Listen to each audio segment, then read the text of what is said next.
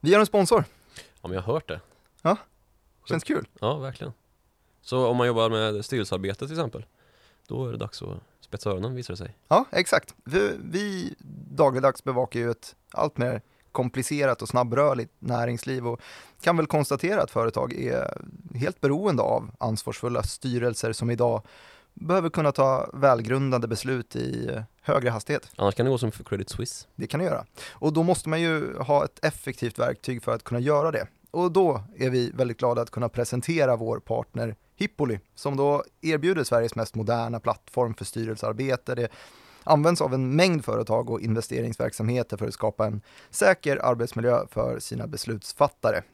Så vill du som lyssnar ha ett smidigare styrelsearbete och spara tid Gå in på www.hippoli.com, logga in med BankID och du är igång med din styrelse på några minuter. Dessutom så kan du nu ange koden follow the money i ett ord så får du 50% rabatt under de första 12 månaderna. Nice. Ja, tack Hippoli! Tack.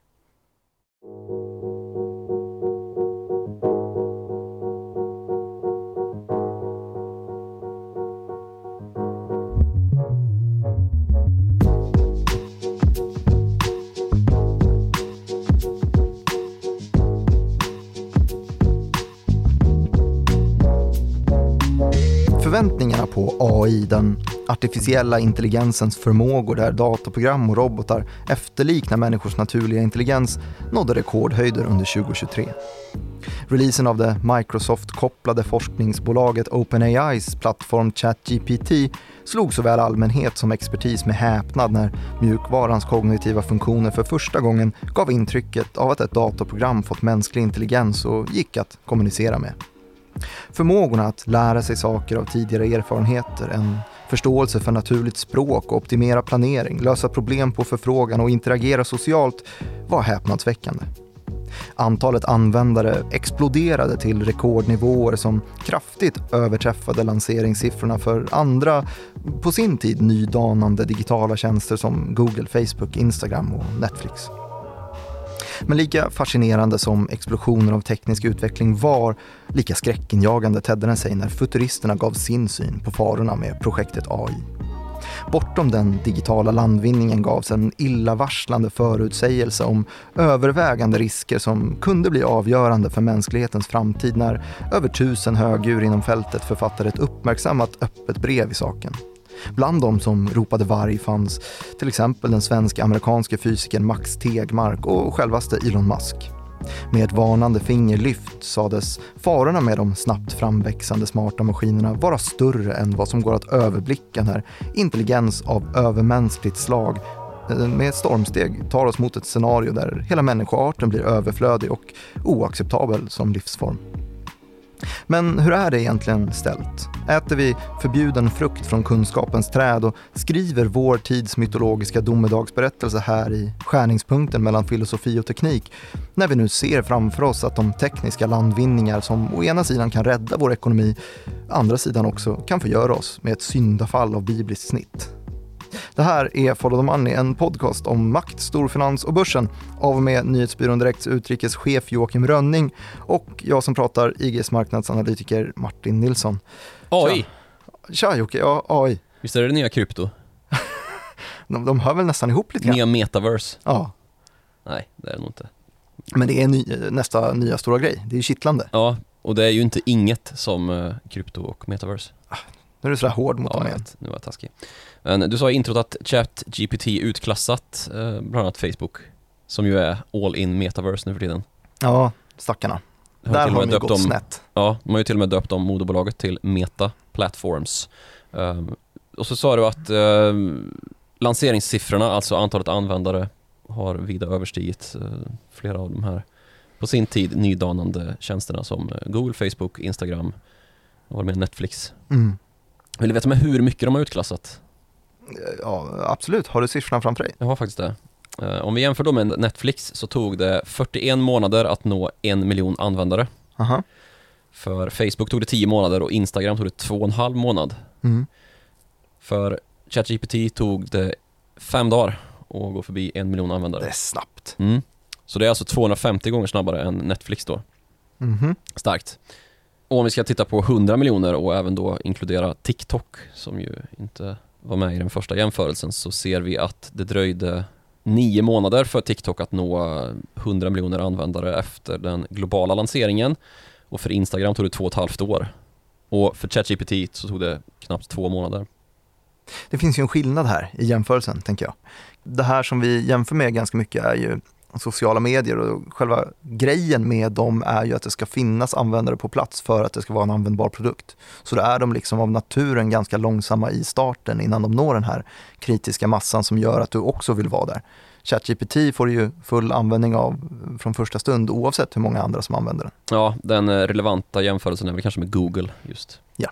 Som det då i sin tur tog ungefär ett år innan de nådde 100 miljoner användare Mm. jämfört då med eh, ChatGPTs två månader. Så ja, det är fortfarande ganska så stor skillnad. Det har gått snabbt. Ja, och sen så finns ju andra försvårande omständigheter så som att internet inte var lika stort på Googles lanseringsdatum i september 1998 såklart.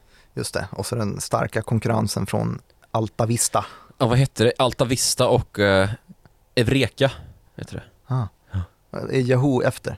Jag vet inte. Kanske också var där. det var nog där också. Mm, Det var ju, Yahoo var ju så mycket mer än bara en dålig sökmotor. Det var nästan som ChatGPT. ChatGPT är ju uppenbarligen då inte ingenting som eh, man ändå kan kanske säga att metaverse är. Än så länge. Det inte har materialiserat någonting i det där. Förutom att eh, Mark Zuckerberg, vdn för Meta och eh, grundaren av Facebook har fått ben i den här virtuella verklighetsvärlden Mhm. som han slog på stora trumman med och blev ganska hånad för något år sedan. Kul att han trummade med benen. Ja, men de mjukvarorna i AI-världen har ju med ChatGPT blivit eh, sjukt coola. Ja. Men fallhöjden har ju också blivit ganska hög om det skulle visa sig att ChatGPT mest är liksom en generator av ord och bild som funkar skitbra för att fuska fram uppsatser men inte så mycket mer kanske. Hur menar du då fallhöjden? Att det misslyckas? Ja, eller alltså den, en betydande faktor i den här klättringen då till den höga fallhöjden har ju de här varningsklockringarna som omnämndes i introt stått för. Alltså har vi redan sagt lite grann om vilka vi pratar om. Max Tegmark och Elon Musk. Eller Mad Max Tegmark som jag Ja, kalla honom. Mad Max, nice. Ja, Ja. det är lite taskigt. För han är ju ingen doomsayer på det sättet. Han försöker ju hitta kreativa lösningar på att eh, nå framåt eh, med artificiell intelligens. Men hela det här brevet och många i samma ringhörna är ju väldigt negativt inställda till AI i sin helhet trots att de själva då är utvecklarna av det. Mm. Jag vet inte, det finns någon sorts lite grann känsla tycker jag av att det, man tar sig själv på för stort allvar. Du som eh, var kanske den som skrev texten som spreds i tidningarna i Sverige när det här brevet kom ut, plockade upp det här. Kan inte du recitera lite, vad, vad handlade det om?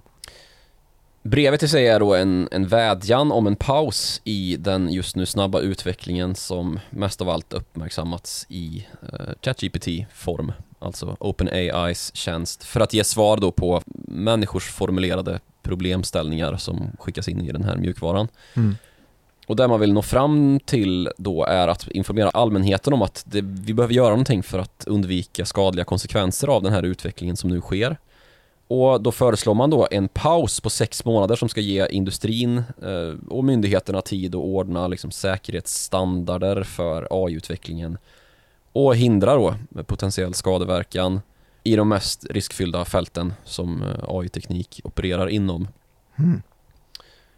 Det är kul att den här pausen kommer nu.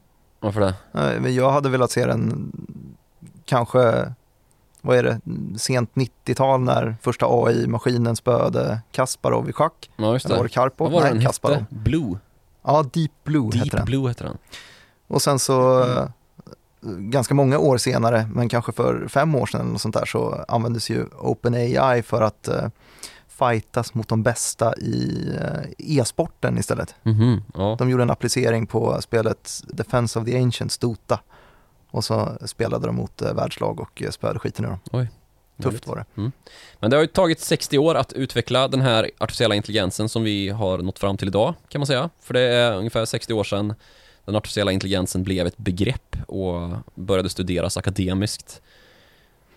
Och sen så har det växt fram då en, som en betydande fråga, det här med säkerheten, att det inte ska springa om oss och bli farligt. Mm. Och 60 år alltså har det tagit. Men sen så bör man ju kanske väga in att det har ju gått ytterligare tusentals år där den här frågan om teknikens påverkan på världen har beretts eh, liksom, filosofiskt och till och med religiöst. Mm. Alltså frågan blir ju på något absurt vis, hur lång tid tar det att säkerställa att vi inte faller offer för en teknik som överlistar oss, alltså blir övermänskligt intelligent och kör över oss med sina egna behov? Och svaret är då enligt eh, Elon Musk och Max Tegmark uppenbarligen sex månader. Det är väl mest att de vill ha någon liten andningspaus så man vet ungefär hur man ska ens applicera regleringar på det här. Ja, Finns det några risker? Man kanske kommer fram till att det inte finns några risker överhuvudtaget, att det är lugnt, det är bara att tuta och köra. Kanske låter osannolikt utefter formuleringarna i det här brevet, men ja det kan ju landa där. lite så. Men naturligtvis så, det blir ju konstigt med en sån här paus och konsekvensen av att pausa får man ju också titta på då. Vad blir konsekvensen av att pausa utveckling? Ja, stagnation liksom. Det är ju- där man går mot då i just eh, kärnfrågan, alltså AI-utveckling. Mm. Och det är också, kanske man borde lyfta frågan, är det ens praktiskt möjligt med en Ja, paus? absolut. Men det är ju ganska tydligt när det kommit att bli ett race då att en sån paus i en så explosiv utveckling kan ju ge ganska skadliga effekter också på de som är ledare inom fältet, alltså ja, men, amerikanska västvärldsforskare som eh, i någon mån står upp för demokrati. Och det ger då alltså sex månader för Kina att komma ikapp. Likaså hackar nationen Ryssland där president Vladimir Putin konstaterade redan 2017 att världsledaren inom artificiell intelligens oundvikligen kommer regera världen. Mm. Så det känns ju lite konstigt det här, alltså att man nästan äventyrar vår egen säkerhet inom demokratiskt världsstyre. Om vi går med på den här Doomloop-antagande rekommendationen liksom. Jag vet inte om det är riktigt intellektuellt hederligt det här förslaget med sex månader. Känns inte riktigt trovärdigt. Och sen för övrigt så är det här ganska taskigt utformat. Flera av de här 1100 signatorerna har ingen aning om hur deras namn har hamnat där ens. Har det visat sig då i efterhand. Bland annat Sam Altman, alltså skaparen av ChatGPT. Han har dykt upp som en av dem som har undertecknat brevet och sen Mm. tagits bort då. Efter att han själv då har uppmärksammat att mm, jag håller inte ens med om det här liksom. Han hävdar ju att det här brevet är att betrakta som predikande för kören, liksom att han håller med om att det finns risker.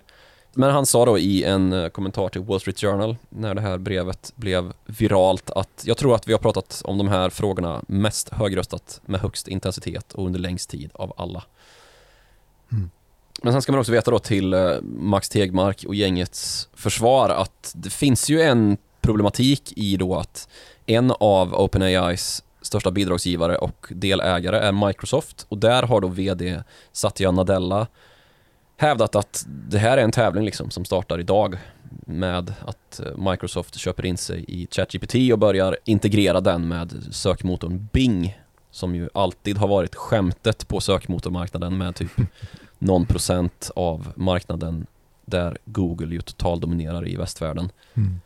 Och så har han lovat då avancemang i mycket snabb hastighet och det hävdar ju Max Tegmark är en olycklig utveckling om det blir liksom en kapplöpning som om det gällde vapensystem ungefär. Att det blir ett, inte race to infinity av uh, välfärd utan ett uh, suicide race snarare då att uh, mänskligheten i sin helhet riskerar att tappa kontrollen över sitt eget öde ungefär. Mm. Så kan vi gå tillbaka lite praktiskt om, om användningsområdet för ChatGPT. Än så länge så är det ju kul, Ställa frågor till en maskin. ja lite så. Eh, Och man har ju sett de här eh, uppropen på, i utbildningssektorn just framförallt, att Ja. man låter den skriva uppsatser till en. Men jag kommer osökt att tänka på när jag försökte lansera sökmotor för, för mina föräldrar. Mhm. Och de, de envisades med att, nej men Martin, vi har ju hela bandet av Nationalencyklopedin här i, i bokhyllan. Strångt. Det är ju faktiskt bättre fakta än vad du kan hitta på Alta Vista. Är den kvar? Nationalencyklopedin i bokhyllan. Skulle fan tro det. Ja. Jag tror nog det. Är det så att om det är liksom familjemiddag och det uppstår groll om en faktamässig fråga som folk har olika uppfattning om att någon till slut reser sig upp, kliver bort till bokhyllan slår upp. Men det var ju så förr. Det, Ja, det var verkligen så så. var förr. Men jag tror att idag så har de lärt sig, och det, det fungerar väl lite på samma sätt med ChatGPT också, att det handlar lite om att lära användarna användare också. Mm. Det tar ju en liten stund innan man har lyckats applicera det. För Ja, att googla är en konst, alltså. det, Ja, det ska det. man inte förringa. Och nu är det en konst som väldigt många människor besitter. Man vet hur man googlar effektivt och kan plocka fram svar på saker eh, snabbt. Och eh, det är också det som den här kampen mot eh, sökmotoroptimering som hela tiden pågår. Att eh, annonsörerna vill hamna överst när man skriver sin fråga och en själv vill inte ha annonsörerna och får formulera frågan lite annorlunda. Ja. Ehm, Sen så har ju den här applikationsnyttan växt med teknisk eh, hårdvaruutveckling också. Alltså innan smartphonen så var ju inte Google så ja, man satt ju inte, man närheten lika använt som det är idag. Liksom, när man hela tiden har ett uppslagsverk med sig. Nej, dåtiden när kampen mot nationalencyklopedin pågick så var det ju eh, valet mellan antingen gå till bokhyllan eller gå till 56 kilobyte modemet, kicka igång det, blipp, blipp, blipp, och sen så starta upp datorn och lägga sin sökning. Alltså vi snackar ju en tidsrymd på 10 minuter och där hade man redan hunnit få fram datan från nationalencyklopedin på 7-8 minuter kanske. Vet du att Nationalencyklopedin också finns digitalt? Den gör ju det Man nu. kunde få med det som en... eh, Det borde ju varit man eh, medelvägen istället. Nej, men vi loggar in på datorn och går via Ja. Nationalencyklopedins hemsida. Jag har en kompis jag som fick uh, Nationalencyklopedin i studentpresent Ah, fan, vad vä- 2006. vä- värdefullt. Ja. Och det är ju fint. Ja. Det är också fruktansvärt. Det kostar ju som en ny dator i princip. ja, ja, det är 15 000 eller någonting. Ja, herregud. Ja, 24 böcker eller någonting. fina böcker. Ja, De, de pryder nog mångas bokhylla fortfarande. ja jävla relik. Eh, Men lite samma steg som från de här böckerna till sökmotorn är det ju nu från sökmotorn till ChatGPT. För det kräver ju en liten annan fingerfärdighet i frågeställningarna för att få Ja, ut rätt svar. hävdas ju och sen så är det ju ganska mycket skönhetsfel på den här. Skönhetsfel? Det är fel helt enkelt. Det har ju visat sig finnas ganska många brister i ChatGPT. Men du, det sa också de här encyklopediförespråkarna Mm. när man skulle eh, slåss mot Google. Absolut, jag menar bara att det finns utvecklingssteg att ta fortsatt. Absolut. Ja. Men hur som helst, om vi dömer ut liksom det här sex månaders moratoriet då och kommer tillbaks till den lilla kärnfrågan om vart det hela ska ta vägen och hur oroliga vi ska vara egentligen så har vi ju alternativen då att antingen så kör vi på som eh, tidigare i vad som allt mer kommer att likna då det här enligt brevskrivarna hävdar är ett huvudlöst rally mot domedag och mänsklighetens självmord. Mhm. Eller så går vi ännu längre än vad brevskrivarna föreslår med förbud och tecknar något sorts globalt avtal då som stoppar all utveckling. Vilket i såklart är helt omöjligt. Mm. Men vi leker med tanken ändå då att eh, det vore möjligt och kanske till och med vettigt att bara pausa AI för all evig framtid. Rättare sagt stoppa AI. Ställa in den framtidsvisionen liksom. Mm. Det finns ju de som hävdar det. Att det vore en bra idé. Ja, men, jo, jag vet, det finns ju till och med smarta människor som hävdar det. Mm. En som inte har undertecknat det här öppna brevet, det är Eliser Judkowski. Mm. Och om vi ska vara lite taskiga och döma ut Mad Max Tegmark. Har du sett Mad Max? Mm. Har du det? Ja. ja. Kan du beskriva den kort bara? En, en postapokalyptisk värld Ja. med, med galenskaper. Och Mel Gibson i huvudrollen. Ja. Och så kallar vi Mad Max Tegmark och Elon Musk för lite intellektuellt ohederliga när de påstår att sex månader är en bra grej. Då tycker jag inte vi ska göra samma sak med Eliser Judkowski. Och då, då? Han är att betrakta då som eh, grundaren av hela forskningsområdet artificiell generell intelligens. Alltså han är i grunden beslutsteoretiker och leder forskningsprojekt inom maskininlärning, alltså i princip artificiell intelligens. Mhm. Och sådan artificiell intelligens som man i någon sorts slutsteg ser ska kunna vara en självständig artificiell intelligens, alltså en AI med typ känslor. Mm. Så med det i bagaget så sätter han sig ner och författar en artikel som publiceras i Time Magazine i slutet av mars här. Det är nog den mest deprimerande förutsägelsen om artificiell intelligens som jag har läst hittills. Vad kommer han fram till? Han kommer fram till att den mest sannolika utkomsten av att vi bygger övermänskligt smart artificiell intelligens på ett sätt som bara något sånär liknar våra nuvarande omständigheter, det är att alla människor på jorden kommer dö. Ja. Den förutsägelsen är inte då i termer av det kanske kan bli så om det vill sig illa, utan en uppenbar konsekvens då, något som verkligen kommer hända om vi bygger en alltför kraftfull AI under, ja men i likhet med hur vi agerar i nuläget. Hur menar han att det här kommer ske? Han menar att alla medlemmar i människoarten och allt övrigt biologiskt liv på jorden kommer att dö ut kort efter att vi har fått en sån här överintelligent maskin. Och anledningen till att han inte har undertecknat är alltså att han tycker att det inte är tillräckligt då. Han vill se ett totalstopp för AI-forskningen. Han skriver AI does not love you, nor does it hate you, and you're made of atoms it can use for something else. Huh. Så det troliga utfallet då enligt eh, Eliser Judkowski när vi tvingas foga oss till något som liknar övermänsklig intelligens är något som liknar kampen mellan våra närbesläktade människoapor Australopithecus africanus, den så kallade sydapan och Homo sapien.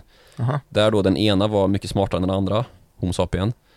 Och kunde gilla fällor och döda och driva ut den andra ur livsmiljöer där de konkurrerade om eh, råvaror. Och Så AI kommer konkurrera om samma råvaror som eh, eh, mänskligheten? Och, atomer.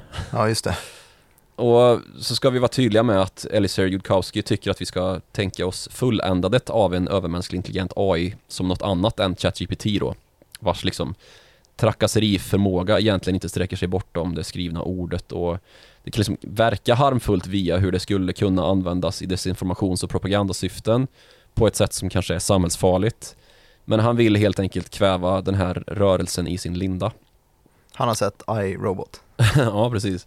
Han tycker alltså att det är liksom tidiga steg i, vad ska man säga, början på slutledet av utvecklingen mot det han är rädd för då. Mm. Som också har en egen vilja, alltså känslor. Där den sträcker sig bortom datorn och dess korkade människoanvändare, som den ju är smartare än. Och så tar han som exempel att det redan idag går att beställa produktion av biologiskt material via e-mail. Alltså man använder data från DNA-strängar som mejlas till ett labb som utan inblandning av mänsklig hand producerar biomassa. Så tänker han sig att en AI som begränsas av internet idag, alltså inuti datorer, kan skapa liv då i den fysiska världen och föra oss in i den här postbiologiskt molekylära tillverkningseran där vi korkade människor blir helt sekundära i jämförelse med övermänskligt intelligenta skapelser då som gör slut på oss och tycker att de där oproduktiva jävlarna med begränsande känslor och prestationsångest, de behöver vi inte ha. Hmm. Så självmedveten AI är alltså nyckelord då. Och problemet som många ser det är att vi inte kan veta när eller om en AI-mjukvara lyckas bli självmedveten och helt enkelt börja tala utifrån egna behov som är skadliga för oeffektiva och improduktiva människor med prestationsångest som du och jag. Ha- Han målar ju upp en, en ordentlig bild av eh, ja, men existentiell fallhöjd, skulle man precis. kunna säga. Tänk om det inte blir sådär och han har bara skrivit det här helt i onödan. Ja, men det, jag, jag slås av det att han är inte en, en kommunikatör riktigt. Eh, för att det här blir ju mer någonting man skrattar åt. ja, eh, för så. att det är så ogreppbart. Men samtidigt så får man ju läsa hans titel just att han är ledande inom det här forskningsfältet och så får man ju i alla fall försöka tro på den här varningen. Men hans eh, råd är väl då alltså att stoppa allting. Mm. Eh, och det har vi väl fått det rådet förut i tiden också om annan produktion. Ja, precis. Det är inte ens första gången vi har ett öppet brev om AI liksom. Det är så här man jobbar på Future of Life, en organisation då som har Max Tegmark och eh, Jan Tallinn i spetsen. Jan Tallinn som är medgrundare av Skype, är det väl? Ja, det är han. Skype som sen också blev uppköpt och nedlagt av eh, Microsoft. Du menar att ChatGPT kommer läggas ner Nej, och integreras helt och hållet i en värdelös sökmotor som heter Bing? Bing. Och så blir det så här, lite bättre sådana här Outlook-svar, autosvar, där man bara kan klicka intressant. Men du, jag tycker att de där faktiskt har växt. Jag har använt dem eh, någon gång lite då och då. Till dig. Det Du brukar låter jag vet utmärkt. att du har gjort det, för du brukar alltid säga nu använder jag ett sånt där, så det blir bara ett, ännu ett mail liksom. Ja, just det. Ja. Te- Tech-savvy. Men ja, historien om farlig teknik då, om vi ska komma in på den, när vi har konstaterat att det inte ens är det första gången eh, som det skrivs ett öppet AI-varnande brev. Så kan vi ju gå hur långt tillbaka vi vill. Framfab. Framfab alltså. Millennieskiftet, det Ja, funkar väl. jag tänkte nog lite längre tillbaka, men vad har du på framfab? Fram, framtidsfabriken, vad är det förkortningen för? Det var det här bolaget som låg lite för långt fram i tanken för vad tekniken kunde klara av Ja, och eh, var, markerade väl toppen på internetbubblan. just det. Jag tänkte att vi skulle gå betydligt längre tillbaka i tiden än så. Mm, kan tänka mig det. Ja. Var hamnar vi? Är du bekant med Aeschylus? Vad har du på Aeschylus? Äldre än Sokrates och Platon, men eh, lite i samma geografiska område. Eller? Ja, just det. Grekland. Yes. Uh, Aeschylus var ju han som skrev om Prometheus, Mm. titansonen då som eh, tänker före, vilket hans namn då betyder, till skillnad från hans omdömeslöse bror Epimetheus som tänker efter. Hmm. Och när hans omdömeslöse bror då har delat ut alla positiva egenskaper till djuren i skapelsen så fanns det inga kvar till människorna när det blev deras tur att fördelas. Aha. Och då tyckte Prometheus, som alla som läst filosofi A på gymnasiet vet, att människan ju ändå är överlägsen alla andra djur och bör få någon sorts egenskap då för att spegla det här. Mm. Så han snodde helt enkelt elden från smidesguden Hephaistos och förmågan att skapa konst av Athena. Och så gav han de här gudomliga och för skapelsen förbjudna egenskaperna till människorna. Eh, Vad, vad då förbjudna då? Jo men det finns väl hur många filosofiska spår och religiösa rättesnören som helst om att människor inte ska sträva efter att göra sig själva eller något annat till gudar här nere på jorden. Utan att det är något som endast ska stå att betrakta i andevärlden ungefär. Mm. För om vi skapar gudar bland oss så förgör vi oss själva. Det är ju någon sorts liksom allmän religiös idé som genomsyrar ganska många religioner. Så då författades ett öppet brev om ja, att stoppa, eller? Aeschylus öppna brev genom Prometheus ja. Men så grunden för all konst och vetenskap enligt den här grekiska så kallade oligarkiska principen som illustreras i detta då, det är vår egen olycka. Nu är jag lite enkelspårig efter senaste tidens avsnitt, men eh, jag trodde oligarker var ryssar som åkte, åkte yacht i Medelhavet. Ja, eh, det är det också. Men i den här grekiska betydelsen så är översättningen fåvälde eller fåhärskande det som man ska ta fasta på då. Och det här går väl i princip att översätta om man ska gå till kristendomen och gudaberättelser till Eva och Adam och äpplet då. Från det av Gud helgade och förbjudna kunskapens träd i Edens lustgård. Mm. Det är klart. Alltså när vi tar oss rätten till gudomlig kunskap så är vi dömda att förgöra oss själva. Och dessförinnan i den guldålder som rådde innan brottet då, både i grekisk och eh, abrahamitisk, alltså inte bara kristen utan det här gäller ju även för islam och judendomen, gamla testamentets berättelser som vi rör oss i när det gäller Edens lustgård, så var ju människan odödlig och straffades då efter brottet med ändligt liv av Gud. Alltså kunskap och teknisk utveckling är något som skrämt oss så mycket att det blivit en del av vår egen skapelsemyt uppenbarligen. Mm. Och jag tycker det är coolt att resonera lite kring det här för att avdramatisera skräcken kring själva kärnfrågan här om att det alltid är så skrämmande att bryta barriärer eftersom man aldrig kan veta vad som finns på andra sidan. Att det är lite det som ligger i sagans natur här. Och så kan man bara konstatera liksom att hittills så har vi ju alltid anpassat oss eftersom att vi ju fortfarande finns, vi som kallas mänskligheten och att man därigenom kan kanske börja på något sätt tona ner de här farhågorna.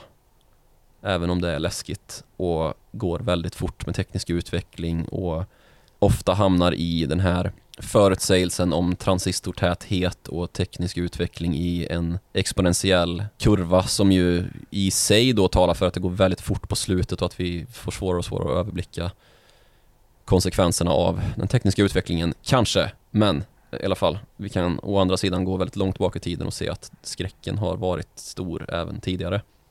Mm, gud ja. ja men det finns ju tusentals exempel. Eh, Egentligen vid alla steg av lite större teknisk utveckling så har det funnits människor som har protesterat mot dem. Eh, Så kallade, är det luditer? Är det där? ja just det, Eller kan du den här industriella revolutionen, kopplingen? teknofober. Teknofober, ja. Så har vi också klassiskt när, när åskledaren uppfanns och protesterade hela kyrkan av att man inte ville att eh, man skulle hålla inte på. Guds straff. Nej, exakt. Precis så sa de.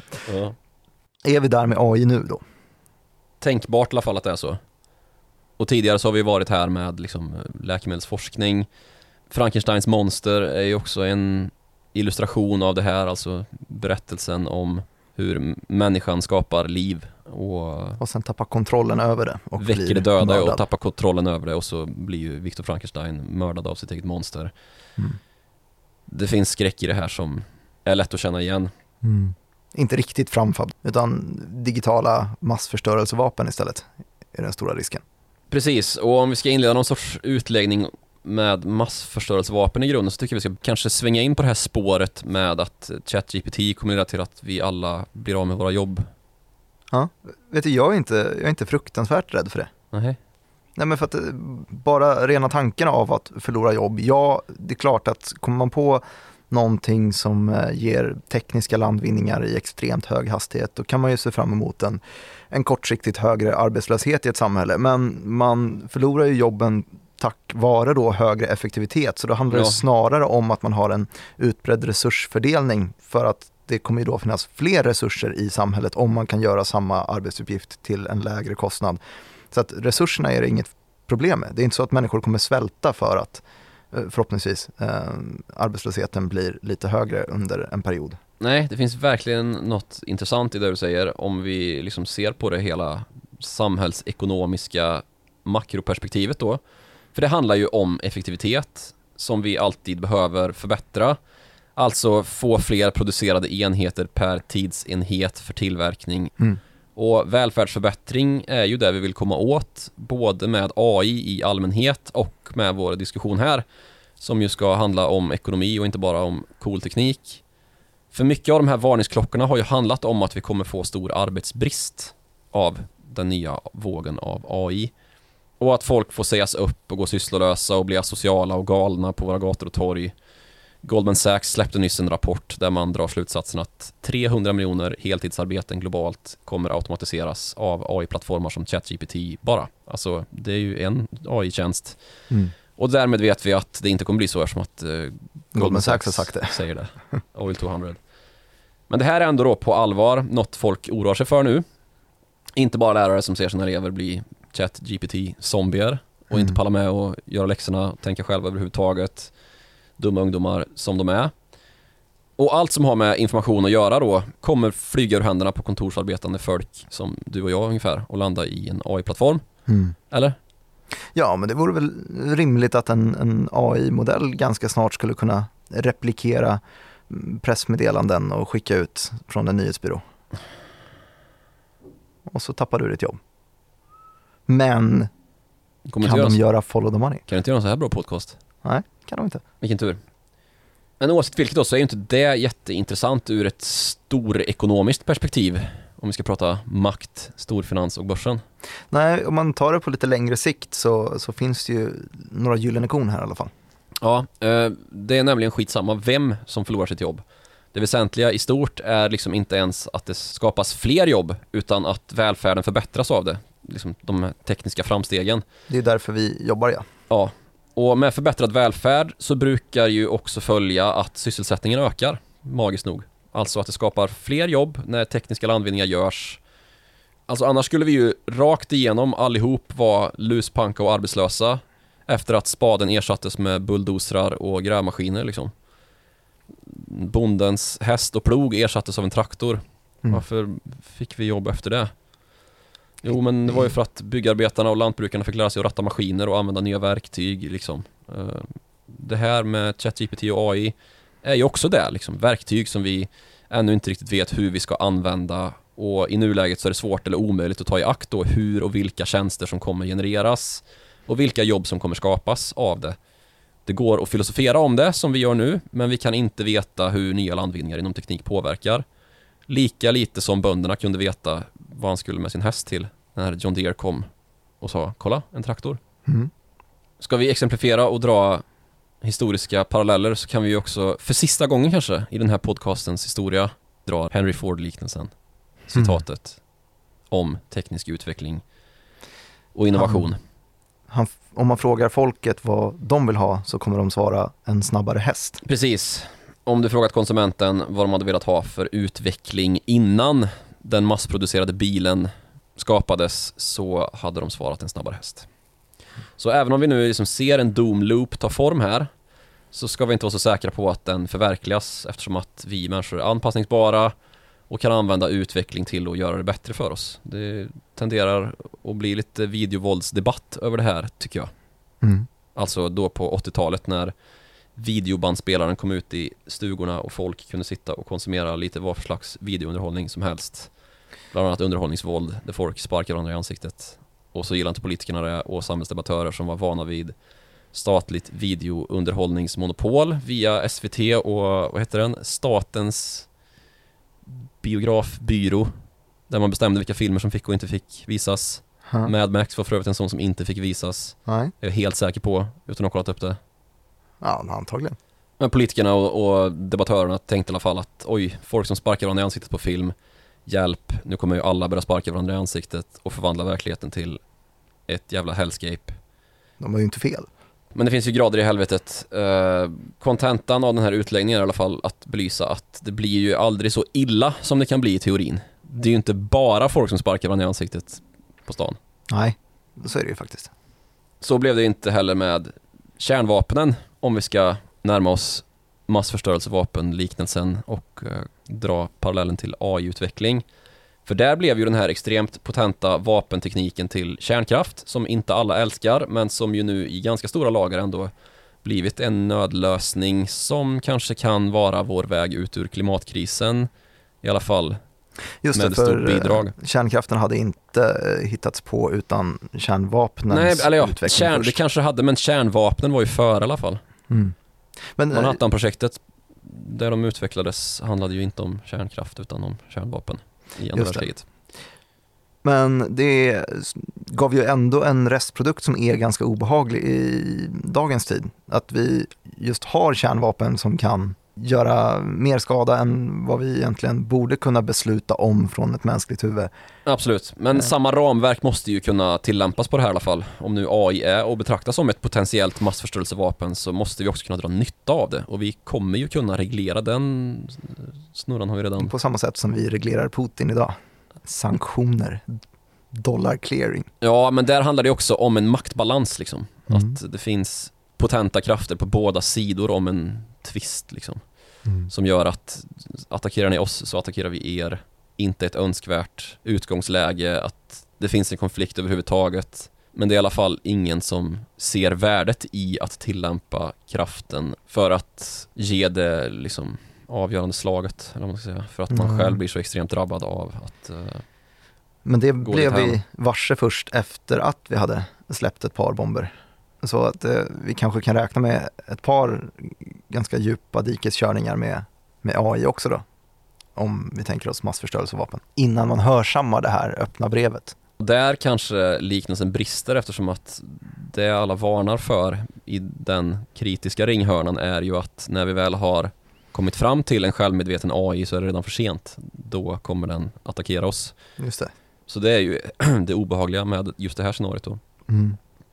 Men det verkar ju i alla fall vara ditåt eh, mänskligheten vill gå. Det är för nyfiket att, att gräva i AI-algoritmerna och försöka få till den perfekta AI-modellen. Dels för att få den här extrema effektiviseringen men också bara se vad som finns på andra sidan.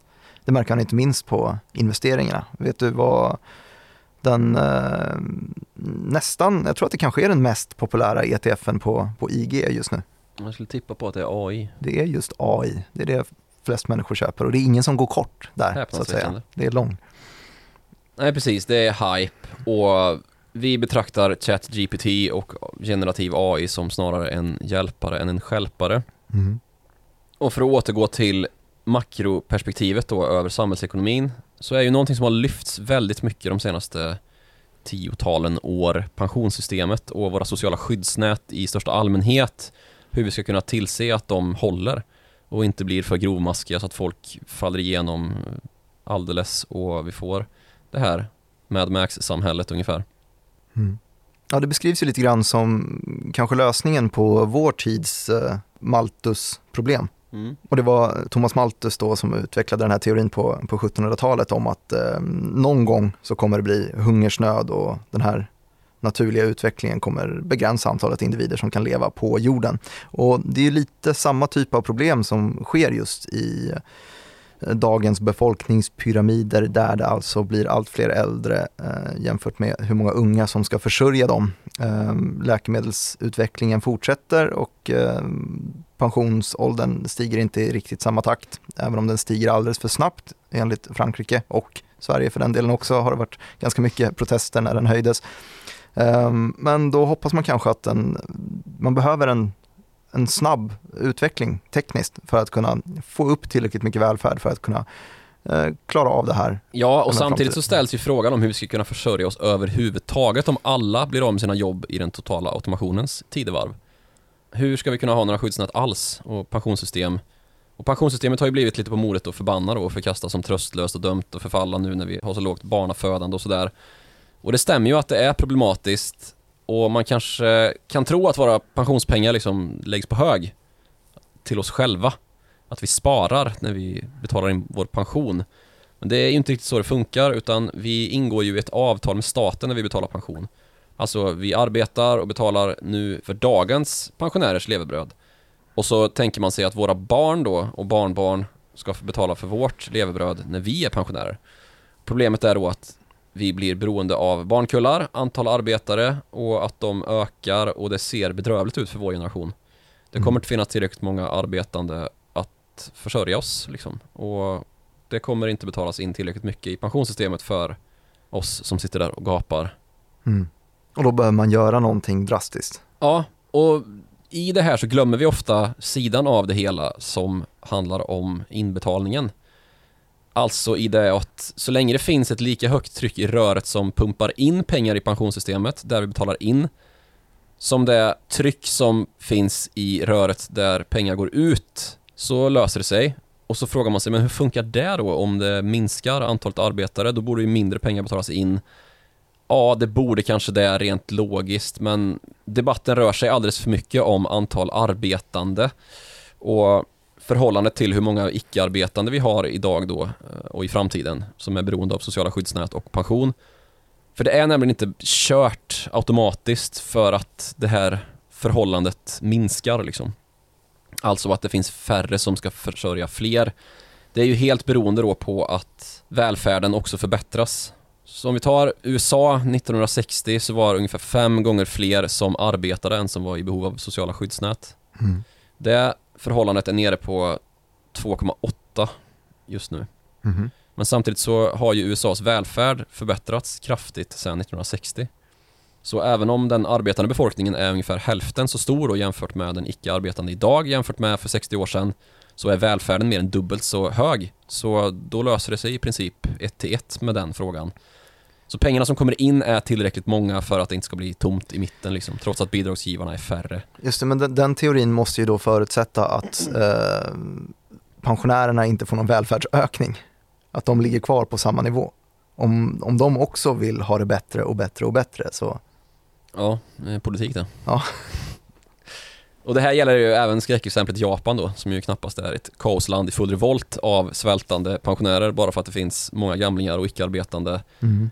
Så det verkar ju som att det hittills i alla fall har gått att lösa politiskt att pensionärerna anser sig ha en tillräckligt hög levnadsstandard i välutvecklade länder.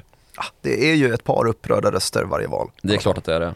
Men eh, det är inte pensionärer i stor skala som äter varandra som i Mad Max. Ja, nej det, det sker ju inte än. Och här kan alltså generativ AI, som vi kan betrakta ChatGPT som, antingen bli en hjälpare eller skälpare då. Och rent filosofiskt och på hypotesplanet kanske vi borde se på det här som båda delar då, en risk och en möjlighet om vi kopplar ihop med massförstörelsediskussionen. Mm. Och de flesta gör nog det också, ser det som båda delar, en risk och en möjlighet. Alltså, det kan skapa jobb, det kan ta jobb.